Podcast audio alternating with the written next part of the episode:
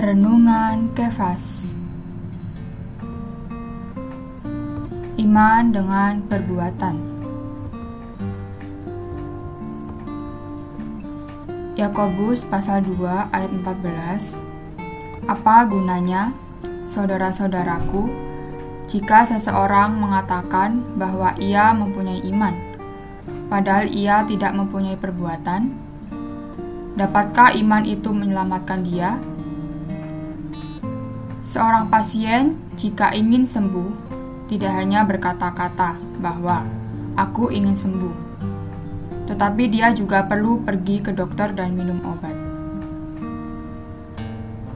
Jika seseorang mengatakan bahwa ia beriman tetapi tidak mempunyai perbuatan-perbuatan kasih, berarti ia tidak mengasihi saudara-saudaranya.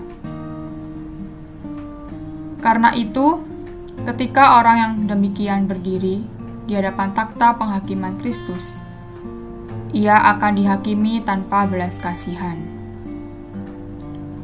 Kita memerlukan perbuatan-perbuatan belas kasihan dan kasih agar diselamatkan dari penghakiman yang tidak berbelas kasihan. Sobat Kefas, sering kali kita tidak menyadari bahwa penghakiman di depan takhta penghakiman Kristus bukanlah soal surga atau neraka.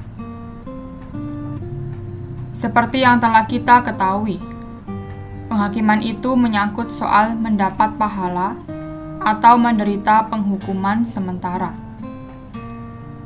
Seperti seorang pasien yang hanya berkata mau sembuh, tetapi tidak melakukan apa pun.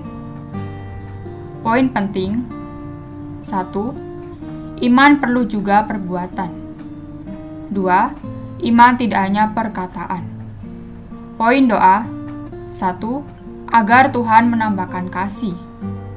Dua, Tuhan menguatkan untuk dapat melakukan kasih.